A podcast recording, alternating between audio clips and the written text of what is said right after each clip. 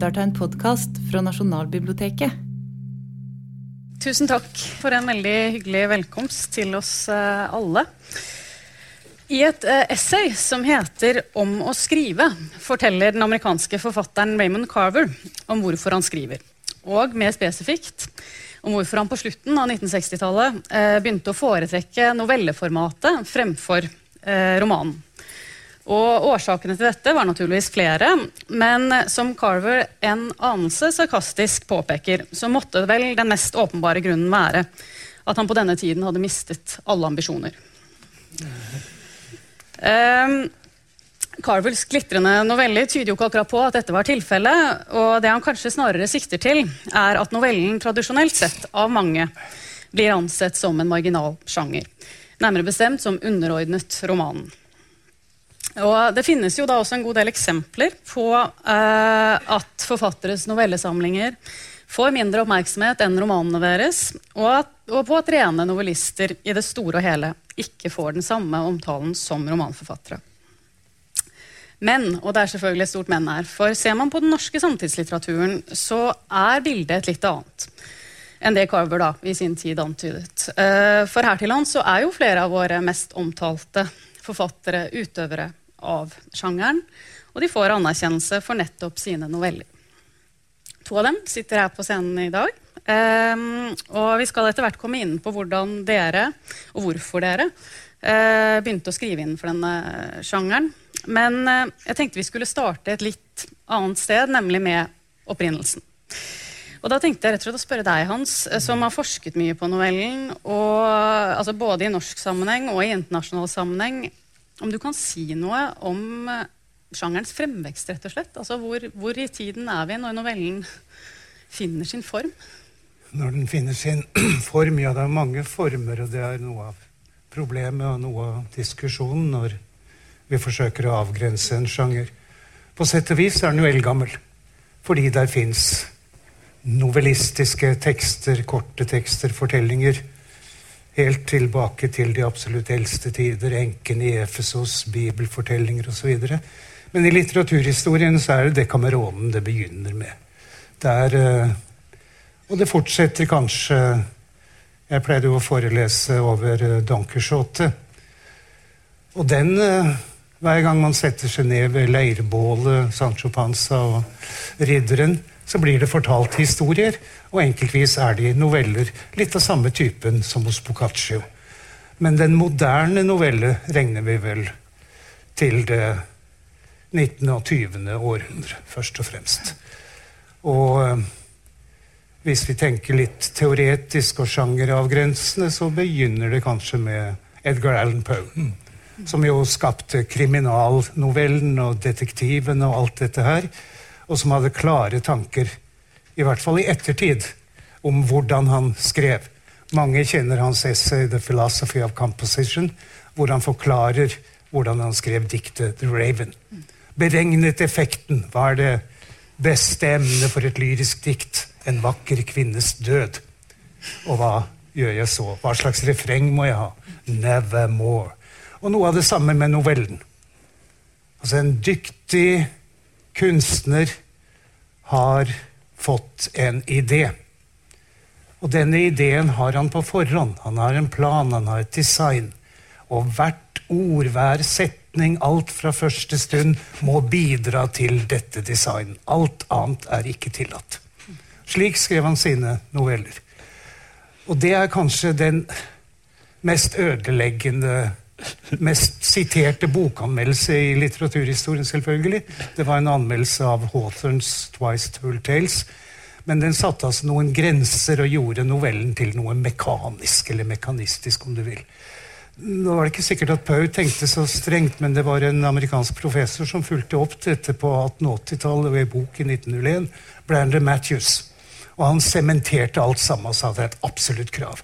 Og det han sa helt entydig, er at Og han var den første som kalte det short story, med bindestrek mellom. Poe snakket om tales. Han sier at the short story abhors the novel. Den avskyr romanen. Det er ingenting felles, det er ingen likhetstrekk. Og novellen opererer med Og så regner den opp en serie med elementer. og alltid singel. En eneste effekt, en eneste, en eneste, en eneste. Sånn må det være. Og sånn var det lenge, og de fleste som skrev og tenkte rundt dette, var i nærheten av dette her. Novellen var en egen sjanger, og det er jo det den moderne novelleteorien har begynt å tvile på. Ja, Hvordan da? Eller hvordan har man begynt å tvile på det? Ja, Man sier jo selvfølgelig at sjangrene dette hierarkiske og sånne ting, at vi, vi, klarer ikke å bestemme dem sånn. Vi må tenke et helt felt av ulike sjangler som berører hverandre, som flytter litt på seg, som endrer seg. Og hvis vi skal forstå novellen, så må vi forstå den i forhold til storebror. Det er en mindre sjanger, men det er ikke en mindre verdig sjanger. Kanskje Storebror, da tenker du på romanen? Da tenker jeg på romanen. Mm. Og det er jo det som fører til det som ble lest opp her fra leksikonartikkelen, Nemlig at hvis du tenker deg at romanen er stor og novellen er liten eh, Romanen er dominerende, kraftfull, modig, alt dette her, så finner du de andre ordene for novellen. Som, den gjør den ikke liten. Den kan være like betydningsfull og viktig, men den blir bl.a. marginal.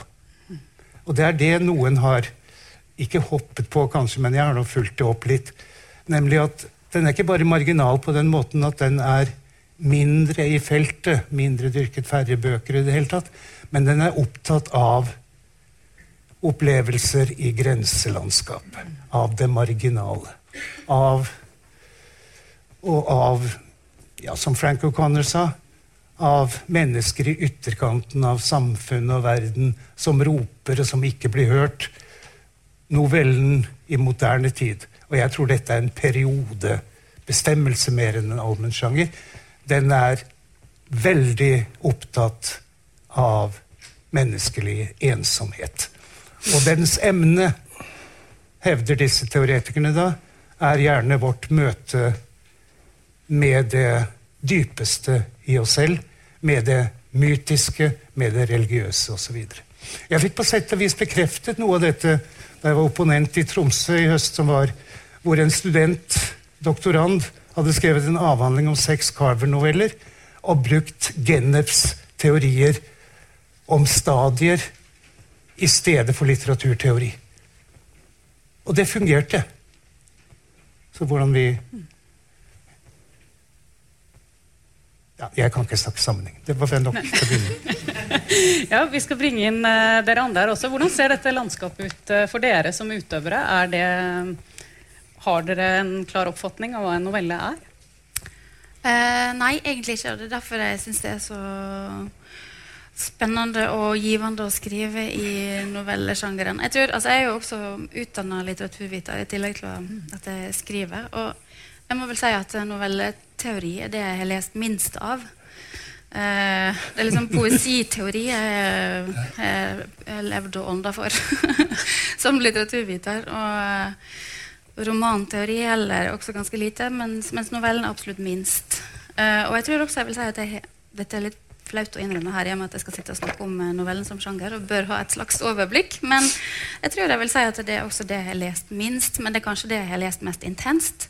Og at mhm. de, de tekstene som jeg har lest, som har vært noveller, er kanskje de tekstene som har gjort sterkest Eh, eh, inntrykk på meg, og som har på et eller annet vis eh, forandra veien jeg har gått på som forfatter. Da. Mm. Mm. Men da må jeg også spørre om det, altså, Var det sånn da du altså Du har skrevet noveller i flere utgivelser, bl.a. i 'Knuter', som var den første novellesamlingen din, og nå 'Drømmeskriver', som er den siste, i tillegg til at du også har skrevet en essaysamling mm. som heter 'Stol og ekstase', hvis ikke jeg husker feil. sant? Ja. Eh, hvor det også er noen noveller mm. i essaysamlingen.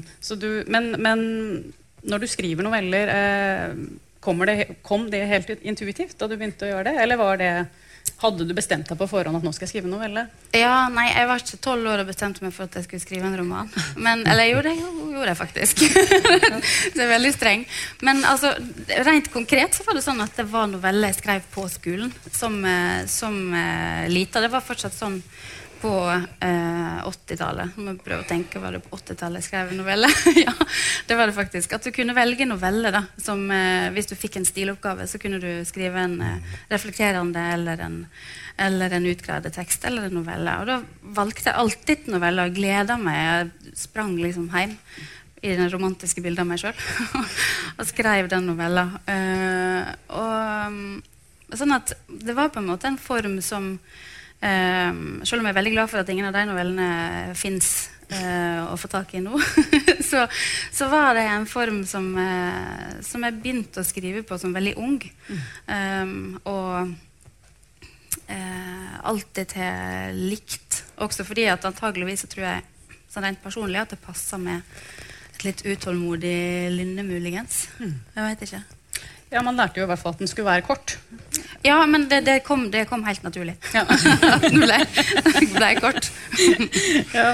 For deg derimot, Hans, så har jo novellene ikke vært så veldig korte. Du har jo brukt novelleformatet til å, til å skrive historier som nesten kunne vært små romaner. Mm. Hvis det ikke er romaner. Ja. For jeg vet altså ikke hva en uh, novelle er. Og jeg regner med at de andre, ja kanskje alle uh, jeg, jeg, At ingen andre vet det heller. Uh, og iallfall vet jeg det slett ikke hva en novelle er. Og jeg har skrevet noveller i 40 år. Så vi kan ta hvis, eh, Vi kunne ta den, en sånn ytre beskrivelse. Og nå kommer det mye eh, paradoksalt. Eh, vi går til den norske Wikipedia. Og de definerer, i, den norske Wikipedia så blir novellen definert som en prosatekst på mellom 5 og 25 sider. Kort og godt. Eh, 25 sider, altså. Og da har jo Alice Mannerhaug skrevet mange romaner. Mm, ja. Ja. Og fem sider, altså. Eh, det er eh, eh Kjell Askildsens korteste novelle er på knapt én side. Og den som han kaller en novelle, den defineres ut av leksikon. I et dansk leksikon så har jeg for øvrig sett at, eh, det, må, øh, at novellen ikke overstiger 20 sider, så da er det enda strengere på, på lengden. Eh, så jeg skal ta en del eksempler på hvordan dette slår ut. Vi kan gå til Vesaas. Eh, han, I 1968 så skrev Vesaas en bok. Det er hans siste, aller siste prosabok. Og den heter 'Båten om kvelden'. Eh, og den består av eh, noveller, vil jeg si, og andre. Eh, kanskje Vesaas sa det selv. Eh, eh, det er ikke noen sterk ytre sammenheng, en indre forbindelse, en utvikling, kan vi spore.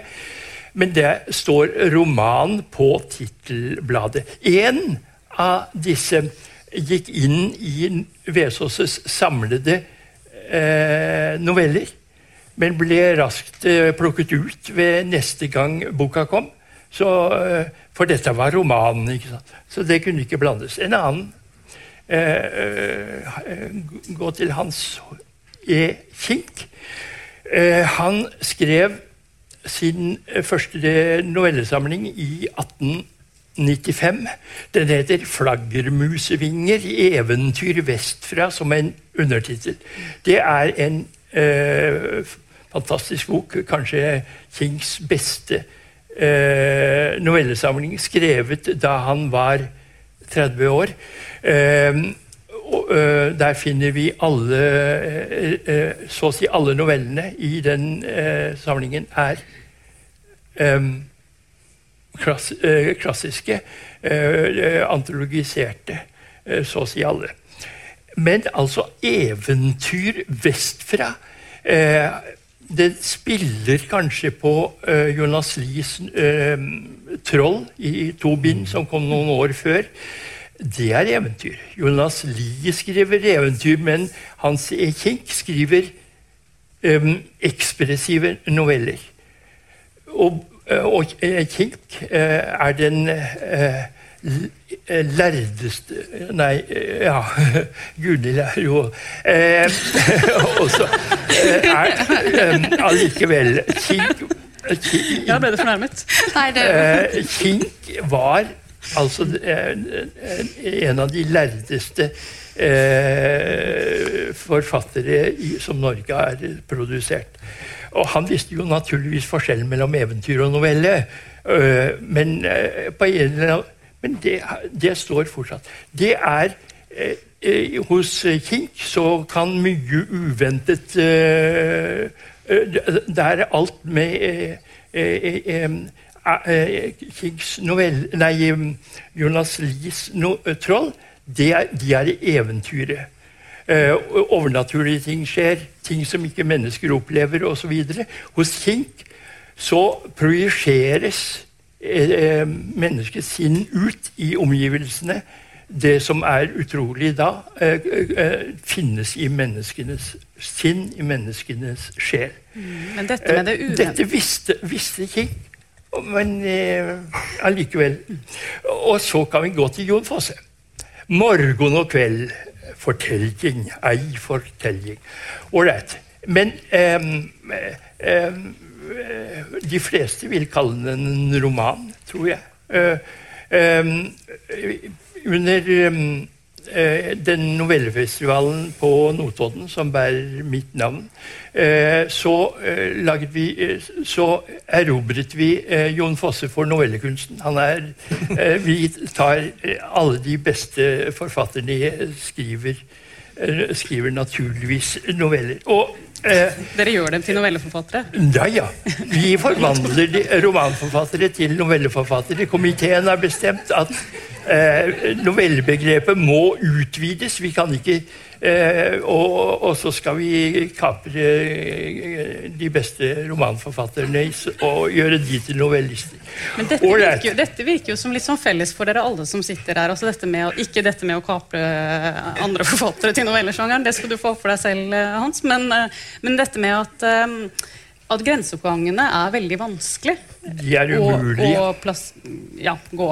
Ja. Jo, men man kan overskride grenser bare hvis man har en slags følelse av hvor de er. Nettopp. Og derfor er sjangerforståelsen, selv om den er vikende og litt annerledes nå, så er sjangrene nødvendig. Som lesere bærer vi med oss gjennom utdanningssystemet om det er kort eller langt, en forforståelse.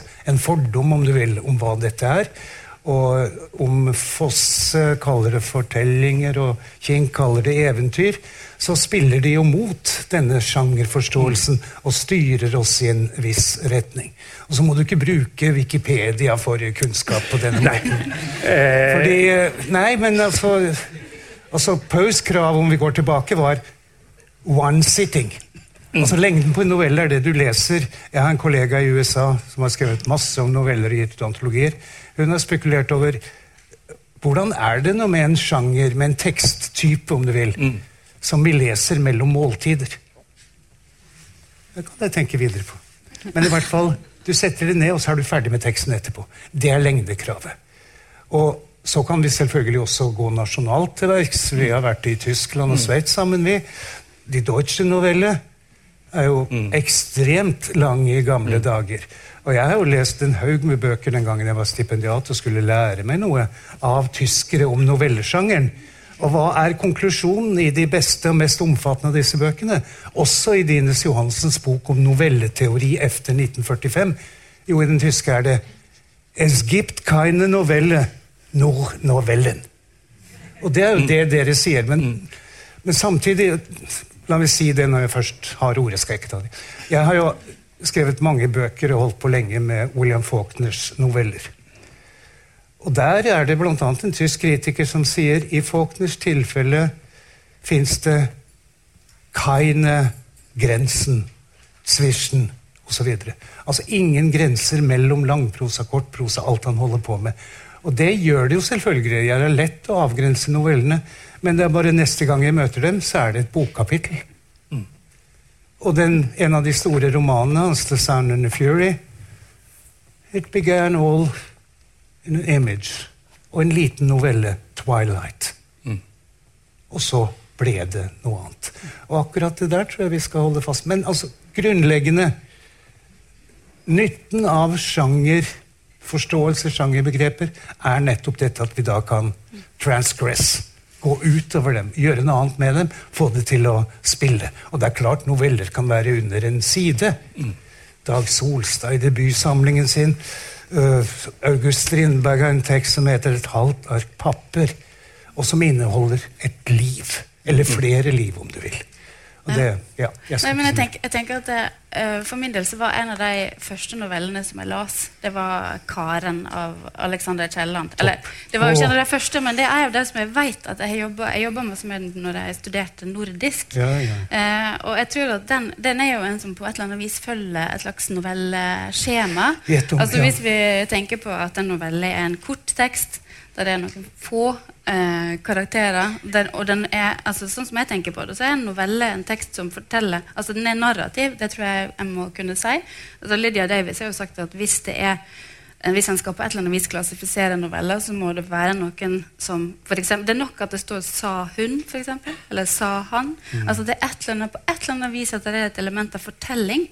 Um, uansett om den bare Ja, det er er på diskutert to mye. Storyness, er det nødvendig? Ja, ja, Mm. men uansett, så jeg tror hun tenker at det, det narrativet, at det er en fortelling til grunn. da, Om det så bare er to linjer, så er det en eller annen form for fortelling. Men så tenker jeg for min del er det også det med eh, noveller sin evne til å fortette. Altså at det er både en fortelling som forteller gjennom det å, å fortelle sånn, sånn som vi er vant med at en fortelling er. Det er ikke et dikt. Altså det er ikke, eh, altså Hvis en tenker poesien som en sjanger som benytter seg mye mer av det elliptiske, som en bruker å si, altså det, det som utelater eh, disse bruene som en bruker mer i en narrativ prosa, så er eh, noveller på et eller annet vis en slags mellomsjanger som både benytter seg av det, det narrativet, men også av den fortetta måten å fortelle på. Eh, gjennom bruk av eh, symbol, f.eks., eller billedlighet. Eh, og Karen er jo et sånn klassisk eksempel på det. Med, eh, Ja. Det er sikkert mange som har lest den her.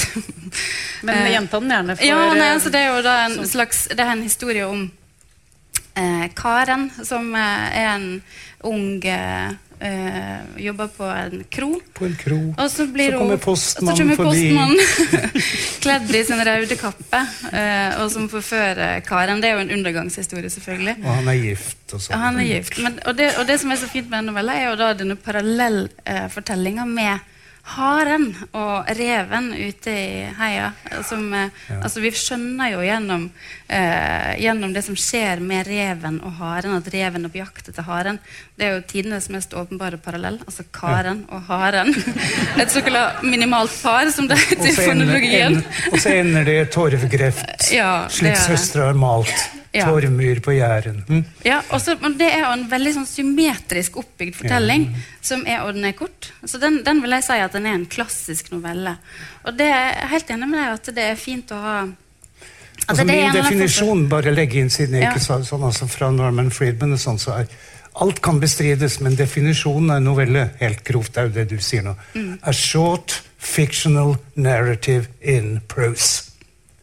Og fra der får vi ta diskusjonen, sier han. Ja, ja. Og snakker også om at enten er det en veldig omfattende handling som kan kondenseres til ingenting, eller så er det noe bitte lite som det akkurat er plass for. Det er. Ja. Men, eh, men akkurat den der Alle ordene i den definisjonen kan diskuteres. Men det er det nærmeste vi kommer. Ja. Men det var det jeg også tenker at for min del så er det da med å ha den sjanger eh, Eller den trangen til å bearbeide Karen på et utall eh, måter. Jeg syns f.eks. det var veldig befriende da jeg fant ut at jeg kunne skrive en novelle om Rimbaud i norsk stilform. Den er kanskje sånn rent i forhold til eh, da sjanger eh, eh, Gullklumpen Karen, så vil jo den novella mi om Rimbaud, som den heter 'En renommert ingeniør' og står i knuter, være en sånn veldig dårlig novelle. Den har ingen utvikling. er Hvordan er den dårlig? I det, ja, altså, den er, det, det jeg skrev den med tanke på at jeg var en Jeg tenkte at jeg var en trøtt norsk elev som skulle skrive en novelle om Rimbaud sitt liv. da. Og du håpet på gode kritikker? ja. Nei, men den er, den er, liksom, den er overhodet ikke klassisk i oppbygning eller stil. eller noe som helst. Så, så det var bare, jeg tenkte bare på det du sa om at det å ha en sånn sjangerforventning. da, At det er eh, morsomt å jobbe med. Og bryte ned på et eller annet vis. Ja, ja, ja, Mm. I tillegg til disse tingene som dere snakker om nå, så er det noe dere alle også har kretset litt rundt da, når det gjelder dette med novellen. Eh, nemlig altså, det som har å gjøre med det uventede eller skjulte eller marginale eller uhørte, da, som Goethe i sin tid eh, holdt fram som et eh, kriterium eh, eller et kjennetegn eh, ved novellen. Og, og du, Hans, har jo til og med skrevet en novelle hvor det uhørte eh, er eh, selve sentrum i eh, novellen. Jeg tenker på den novellen som heter 'Vi vet så mye'. Ja. Kanskje Eh, også i flere. Eh, men jeg føler eh, Jeg forstår dette hvordan en At det skal være noe En uhørt hending. Men jeg føler ikke det Når du kommer til Corasander, så merker man kanskje ikke at hun var under press om det. Eh, når det gjelder kikk, så kanskje. Eh, selv eh, har jeg nok hele tiden vært oppmerksom på den definisjonen. og kanskje styrt litt etter den. Eh, Kan du si litt mer konkret om akkurat det? Altså Hvordan du har styrt etter den, eller hva det uhørte har vært for deg? Nei, det, det er mer ubevisst. Men eh, du ser det eh, når det kommer på papiret, så ser du at, at man er fornøyd når eh, noe helt uventet og skjellsettende eh, har skjedd. Eh, um, eh, um, og du nevnte 'Vi vet så mye'. Der er det uttalt, men jeg vil tro at man vil finne eh, merker etter eh, den tanken eh, helt fra starten hos meg. Hvordan er det for deg, Gunnhild? Ja, altså um, Jeg må faktisk innrømme at jeg har hørt studentene mine på Skrivekunstakademiet gå og snakke om den uhørte hendelsen. Så jeg tenker, Hva mener de egentlig med det? Ikke fortell det til noen.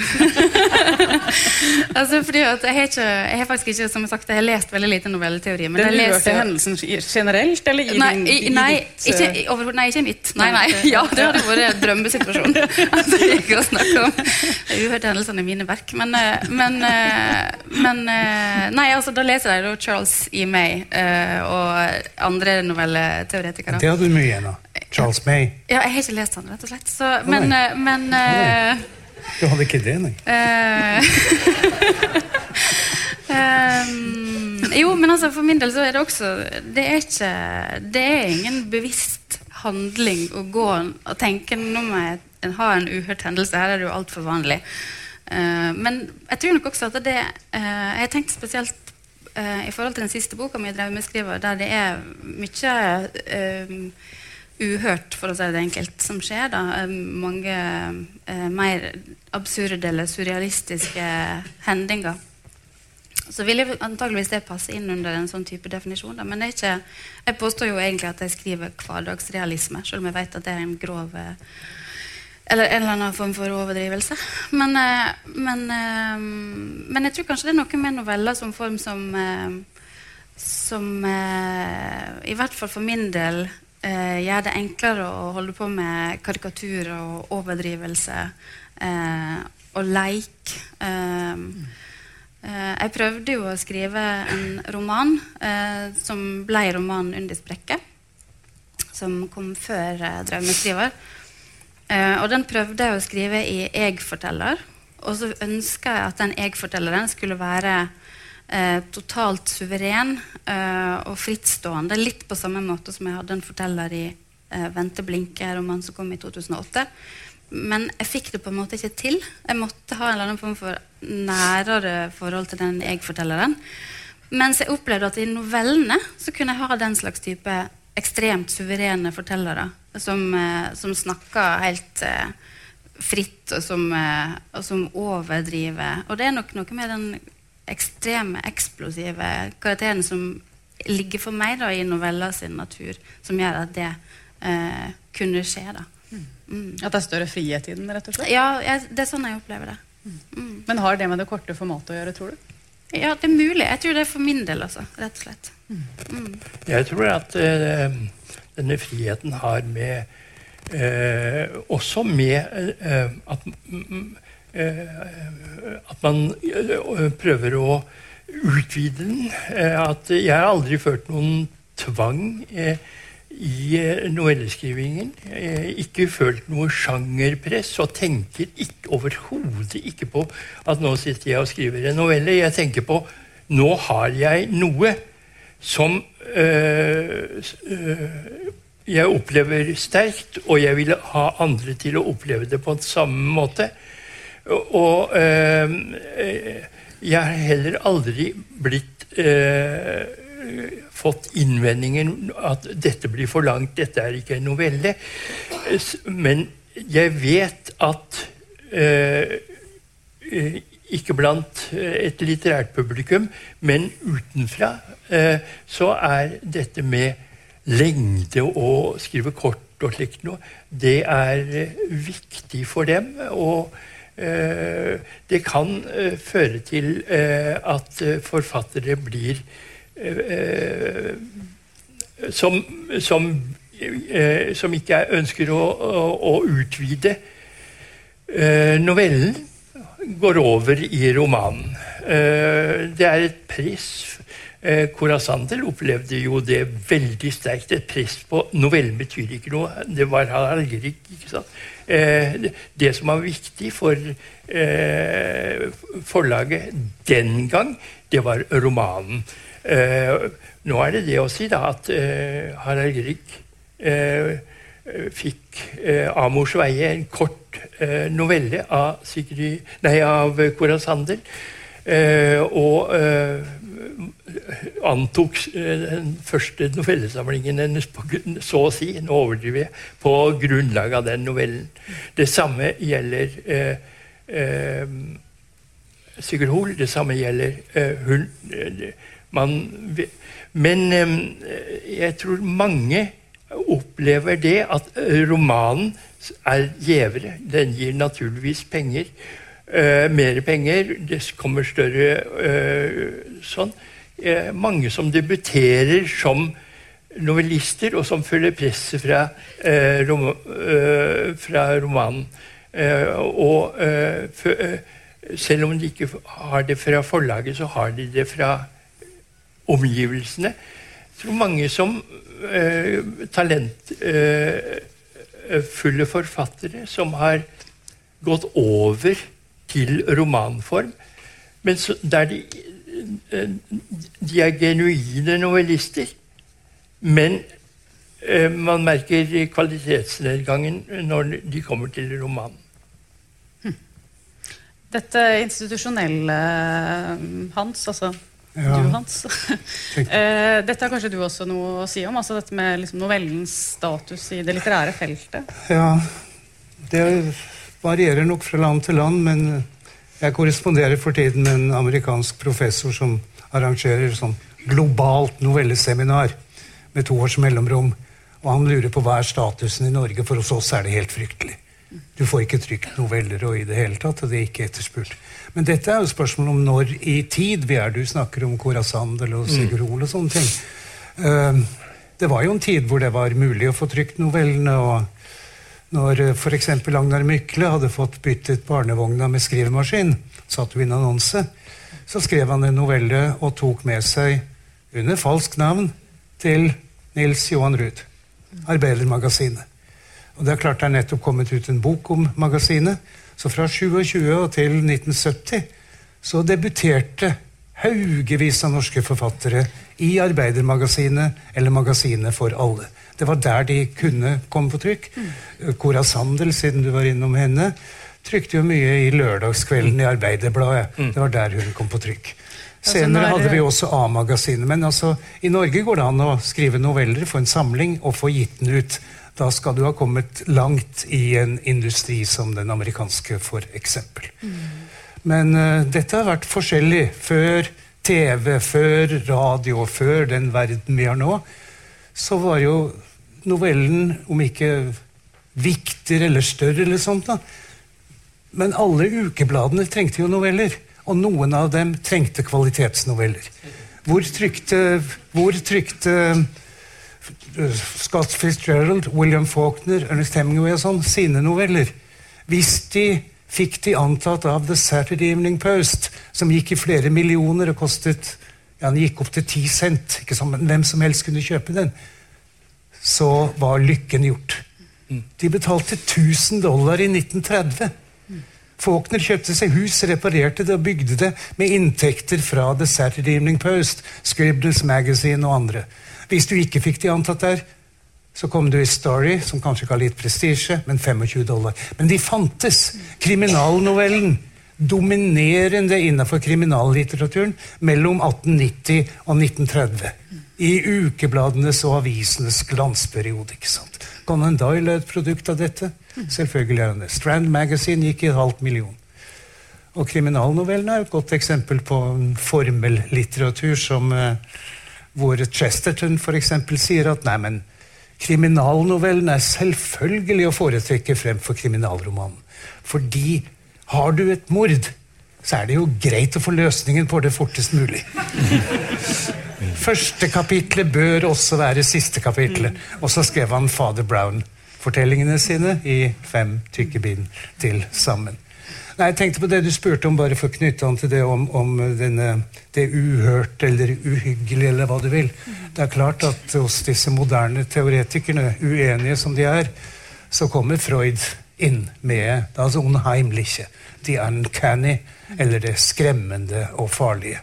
Og det handler jo om at i utallige noveller, ikke minst Raymond Carver da, som Og Poe, som du nevnte. Og Poe fra Ja, ja. Så er det så er det øyeblikket når grunnen svikter. Ik ikke som hos uh, Kielland, der gulvet rister under millioners hat, symbalstemning og sånne ting. Men, men, dette at du plutselig så, så står du der alene. Du tror, eller du trodde hovedfiguren i en tekst trodde at andre så på samme måten. At jeg og du opplever at vi persiperer sånn på samme vis, og så oppdager du at du faktisk ikke gjør det. Og så begynner du å stille spørsmål ved selve tilværelsen, med hva dette handler om. Og utrolig Altså, det er greit at du You write a story to tell about people. You arrest them for a moment and look at them, sa William Faulkner. Men det er jo ikke det. Det er de beste novellene, sånn som jeg leser noveller. Det er de hvor du har en konfrontasjon et eller annet sted, og det fins de to forfatterne her, som fører til en eksistensiell opplevelse. Altså, hvem er jeg, hvor står jeg, hvordan ser det ut? Nå vil jeg vite noe, nå vil jeg prøve å forstå. Og det er det vi kaller for altså den moderne novellen, Carver-novellen, den minimalistiske novellen. Min avdøde kollega, gode venn Per Winther har en fantastisk artikkel som heter 'Minimalism and Mystery', og som leser Carver-noveller. Og det er dette mysteriet. I want to know why.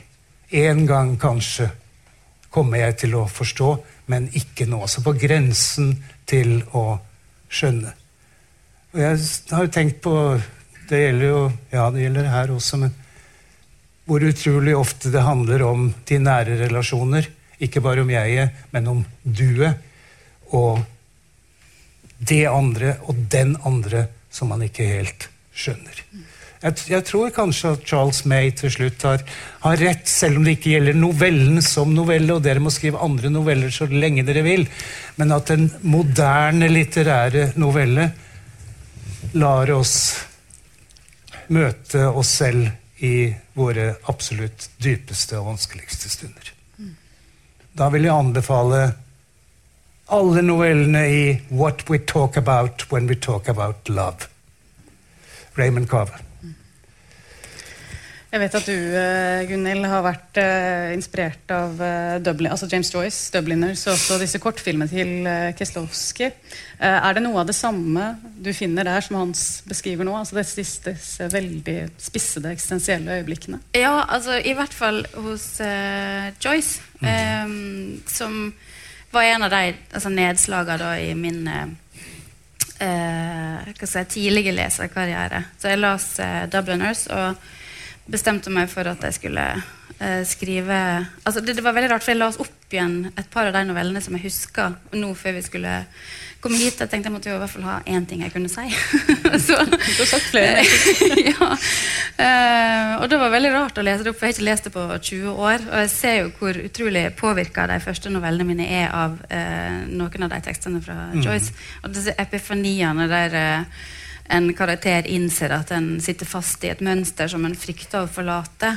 Så eh, jeg tror helt klart at, at eh, den eksistensielle både smerten og undringa som du beskriver, at den ligger til grunn for, eh, for en del av det trykket som finnes i noveller. Da. Men samtidig så tenker jeg også at jeg er jo like mye dratt mot de, den friheten som finnes rent språklig i novellene. Ja. Altså at, at det er eh, så, ikke at ikke romaner også er, er lekende, det fins det enormt mange eksempler på. Men um, f.eks. en amerikansk forfatter som Lydia Davis, da, som jeg leste mye de senere åra, mm. som, som har novelle eller hun kaller det vel egentlig bare stories. da. Uh, ikke short stories engang, selv om de er ekstremt bitte små. Um, at en kan fortelle på andre måter. Og at den språkleken og den friheten som fins i de korte tekstene, uh, er vel så viktig, nesten. Mm. Skulle du si noe annet? Nei, jeg var et spørsmål av det. Ja. Spørsmål skal du få. Eh, du trakk bare pusten så dypt. Nei, jeg vet jo at Hvis jeg skal spørre deg hva en novelle er, så vil du egentlig svare med en novelle. Det kan jeg gjøre, men altså eh, Da går vi tilbake til eh, der vi begynte. Og da begynte vi med noe ytre, slik som vi finner i Eh, i eh, leksikon. Eh, ikke bare Wikipedia, men, men noe ytre. Og jeg har en Kjell Askildsens navn sitter løst på min tunge. Vi er motpoler i den norske novelletradisjonen. Eh, men i novellen, i den norske novellen, er det fredelig. Der er det stille. Det er eh, i eh, Særlig i eh, lyrikken at eh, de er karakteristiske. Motpolene slåss.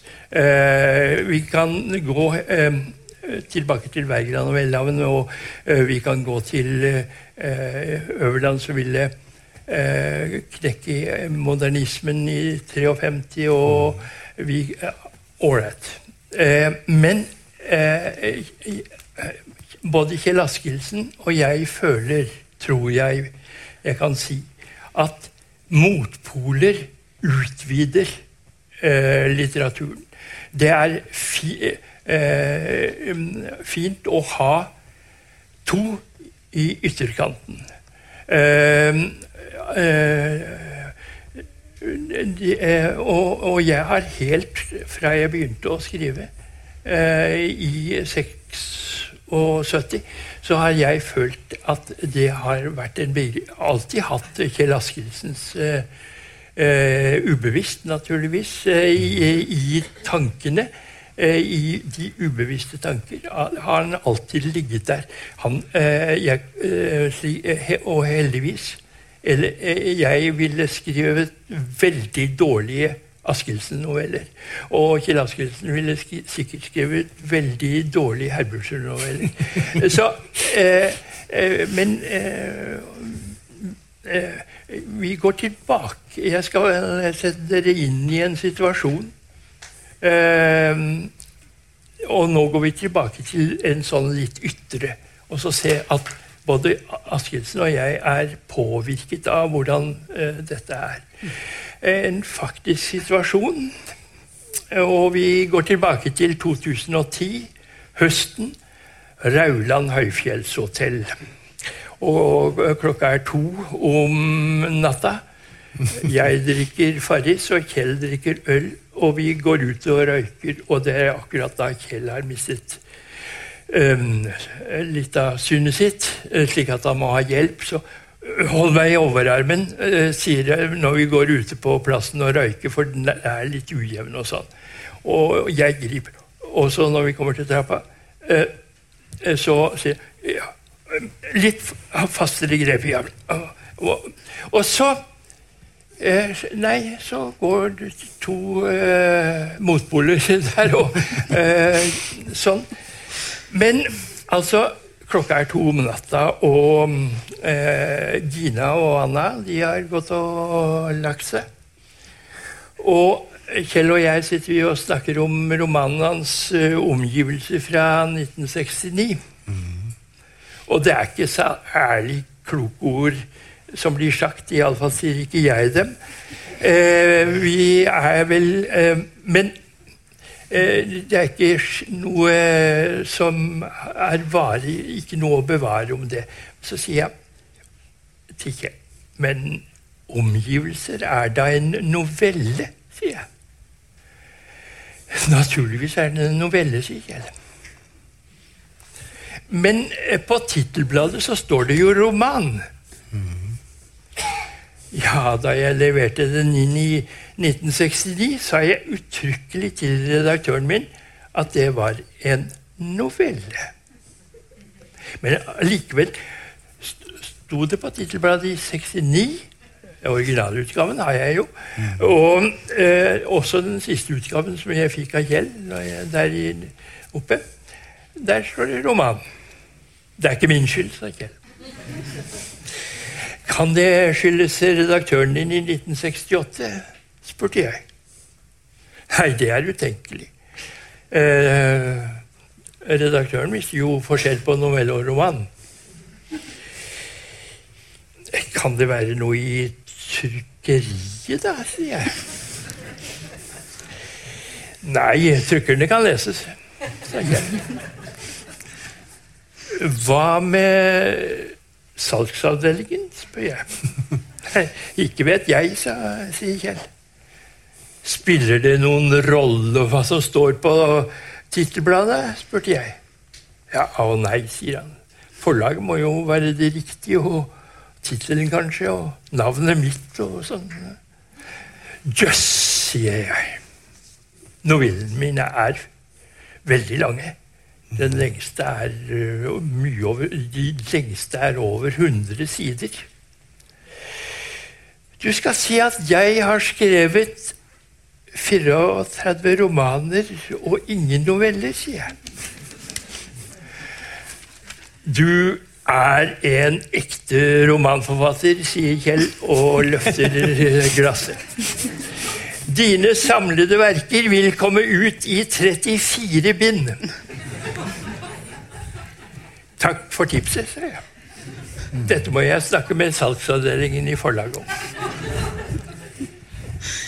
Så også vi forfattere er iallfall klokka to om natta opptatt av sånn, som, eh, sånne ytre ting. Mm. Eh, men det er, ikke, det er ikke enig med seg. Mm. Det er ikke slik vi skal definere dem. Men det blir gjort mm.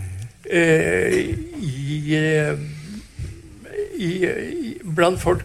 Eh, og det blir snakket om slik som her, mer eller mindre, også blant forfattere. Mm. Eh, det, det, det, jeg er interessert i, det er en sånn som både Gunhild og eh, Skei var inne på. Det er eh, en indre eh, eh, definisjon. Eh, man kan ikke definere novellen. Det er jo absurd å definere den ut fra sidetall og, og, og sånt noe. Eh, og eh, bare skyte inn eh, i forhold til akkurat det der med mm, siden du nå mm, nevner Gunhild også, så er jeg litt interessert i om dere, når dere leser hverandre, kjenner noe sånn affinitet til Ja. hverandre? Oi. Ja. Eh, Åssen er det for deg, Gunhild? Ja, nei, det Ja. Jeg har lest deg opp igjen, da. Jeg må innrømme at jeg har forberedt meg litt til i dag. og jeg, jeg kjenner meg jo igjen. Jeg syns jo han er en fantastisk forfatter. Og det er jo jeg også, så det er jo noe som ligner. Nei, men, eh, men eh, blant annet så la jeg merke til det med at uh, i mange av novellene dine så er det mye det å se F.eks. i 'Blindøra', som kanskje er et veldig typisk eksempel. Da, det å se på noen gjennom et nøkkelhull. At vi hele tiden begrenser perspektivet på det du ser på, og det blir hele tida perspektivert. da Eh, og denne fantastiske vendinga på slutten i Det kan jeg faktisk ikke fortelle, for hvis dere ikke leser den, så gir det vekk hele poenget. Eh, men eh, ja, nei, jeg ser mange ting som vi er felles, ja. Gunhild iallfall ikke min motpol. Nei. det, eh, men altså Skal vi fortsette å snakke litt om påvirkning og slikt? Ja, eller du kan akkurat Ja, hvordan eh, Ja, nei, altså uh... Nå tenkte jeg spesif spesifikt i forhold til akkurat dere, da. Altså hva ved Gunhilds noveller uh... Da er det jo eh, dette at eh, de bryter med realismen. Eh, altså med det som i 1890-årene kaltes skomakerrealismen. Eh, og eh, der, eh, der man eh, eh, i, i Jeg skriver slik som Borgen, Johan Borgen gjorde i eh, 1959. Jeg skriver Han brukt Der romanen heter 'Jeg' i gåseøyne. Jeg eh, setter alltid eh, jeget i gåseøyne. Eh, ikke i novellene, men altså eh, tankemessig. Jeg setter alltid virkeligheten i eh, gåseøyne.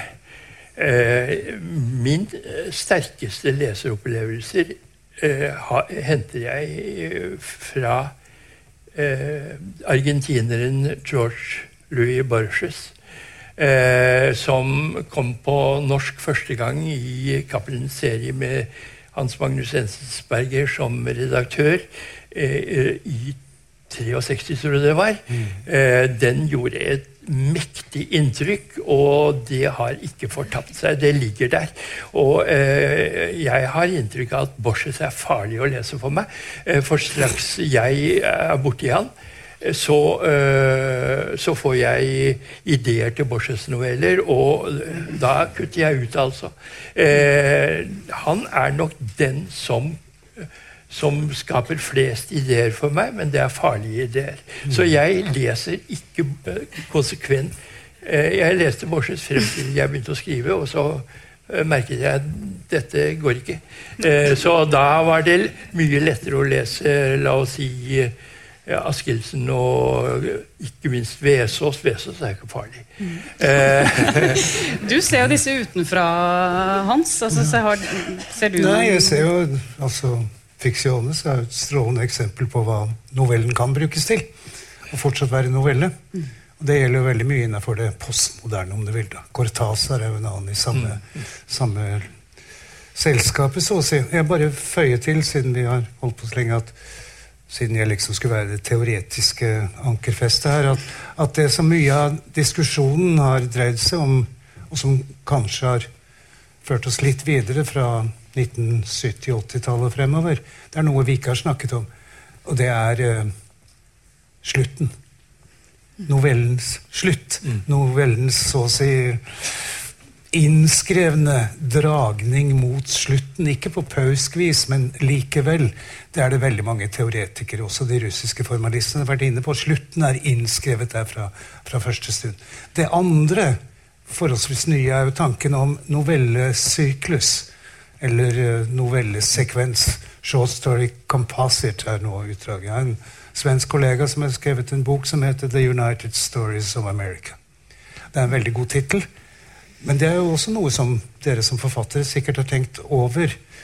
Er det slik at novellene kaster lys over hverandre, at de henger sammen, at det er en struktur som gjør at boka som helhet er større enn summen av enkeltnovellene. Altså en merverdi gjennom det spillet som er mellom tekstene. Det, bare for å føye til at det er det det er skrevet, og det har jeg selv skrevet ganske mye om og tenkt rundt. Bl.a. i forhold til Flannery O'Connor, som jo kunne være inspirator for noen å være, for å si det sånn. For stort bedre får vi det vel ikke. Og det er heller ikke kort. Og det er ikke lettbent, og det er ingen vrier. Det er alvor inntil det hinsidige hele veien. Bare for å ha sagt at novellen også bærer det i seg. Hva tenker du, Gunhild, om dette i forhold til Altså, den siste boka di er jo Går det jo en helt tydelig tråd Ja, gjennom.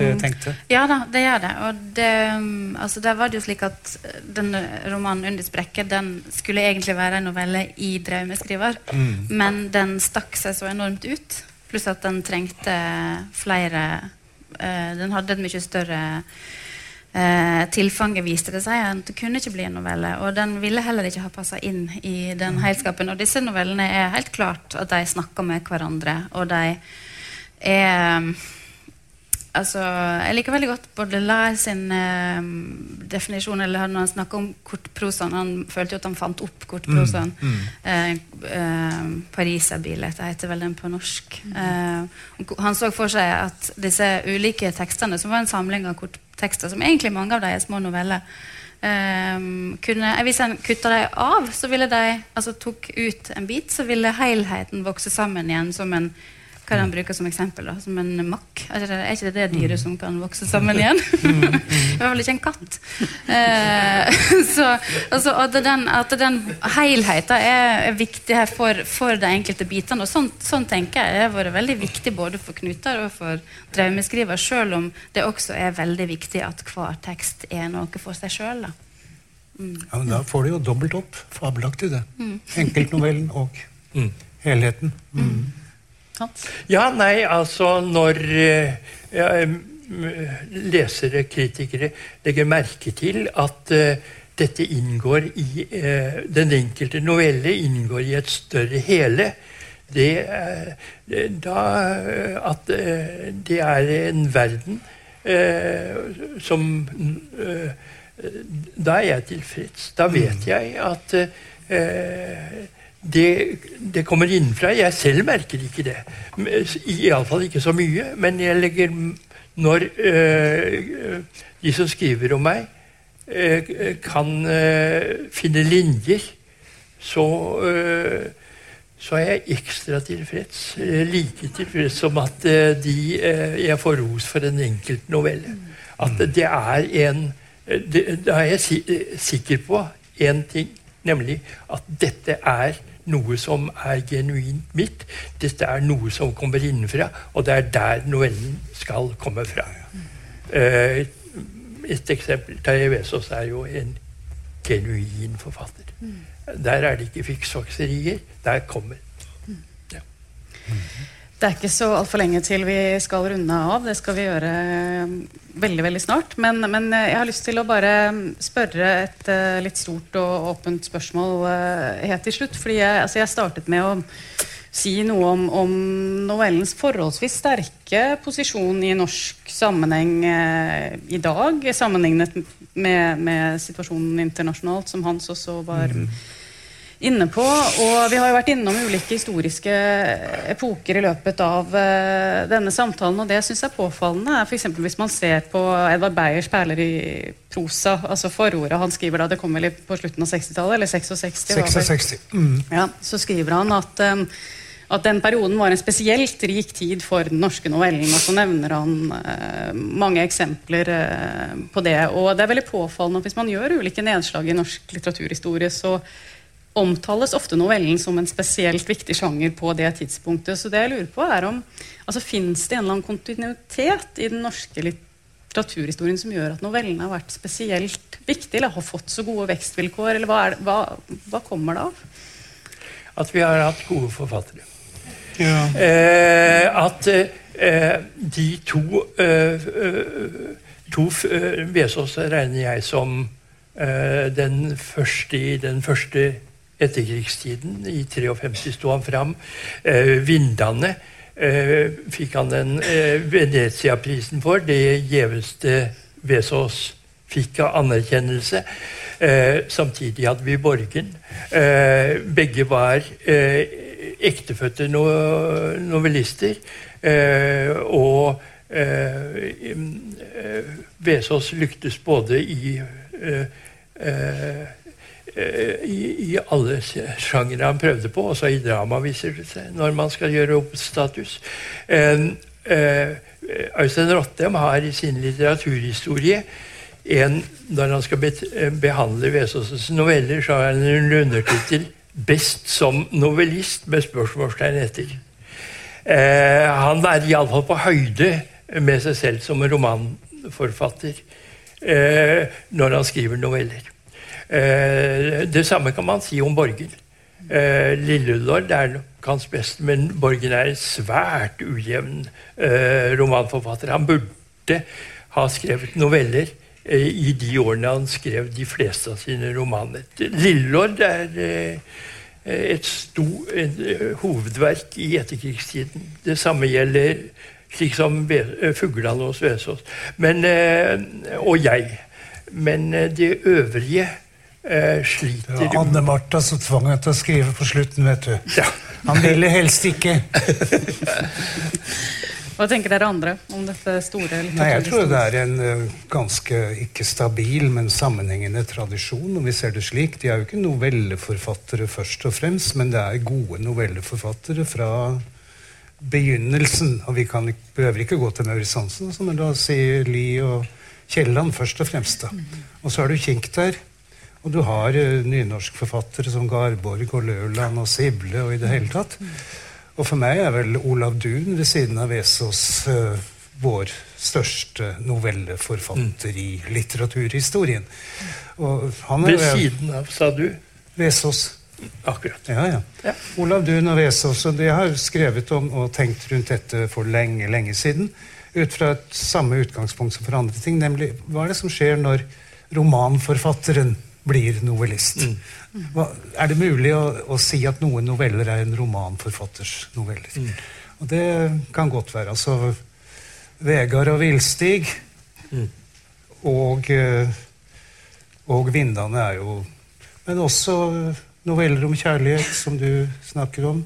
Som burde hett 'Elsk meg bort fra min bristende barndom'. Og så har vi vel Jeg har jo hatt masse seminarer i moderne noveller og tatt med norsk og sånne ting. og og for en stor gruppe studenter, ikke minst menn mellom 25 og 30, så er jo Skjenselens korinter det beste de har støtt på. Mm. Så det gjelder at ikke altfor mange skriver semesteroppgaver om akkurat den teksten. Men den treffer. Og den har jo noe av dette som vi var inne på med møte med selv, og plutselig å se og ikke kunne gjøre noe med det. Mm. Og innse at vi aldri kommer tilbake til den gang da ennå intet var forbi. Det er litt en innsikt. Ja, Gunnhild, vil du følge opp den? Eh, nei.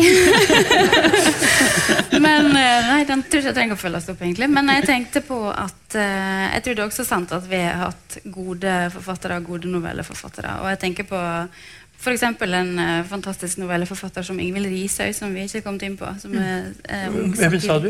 Ingvild Rishøi, ja, ja. som skriver fantastiske noveller. Mm. Og, Hun har jeg tenkt på i dag, og jeg skal ikke ja. si hvilken forbindelse. Nei. Men at der er, der er og det, Jeg syns også det er inspirerende å se når uh, debutanter som f.eks. Marie eh, hver mm. eh, debuterer i år med en novellesamling som blir eh, på mange måter en såkalt snakkis. Eh, at det er nettopp novelle, en novellesamling. Det gjør meg glad, egentlig. Mm. Merete Lindstrøm. Dessverre ja, skrevet romaner, ja. men fenomenale novellesamlinger. Ja. Mm. Sånn kunne vi fortsatt, det kunne vi. rett og slett. Eh, og godt er det. Men tusen takk til eh, dere for denne samtalen og for at dere kom hit. Takk.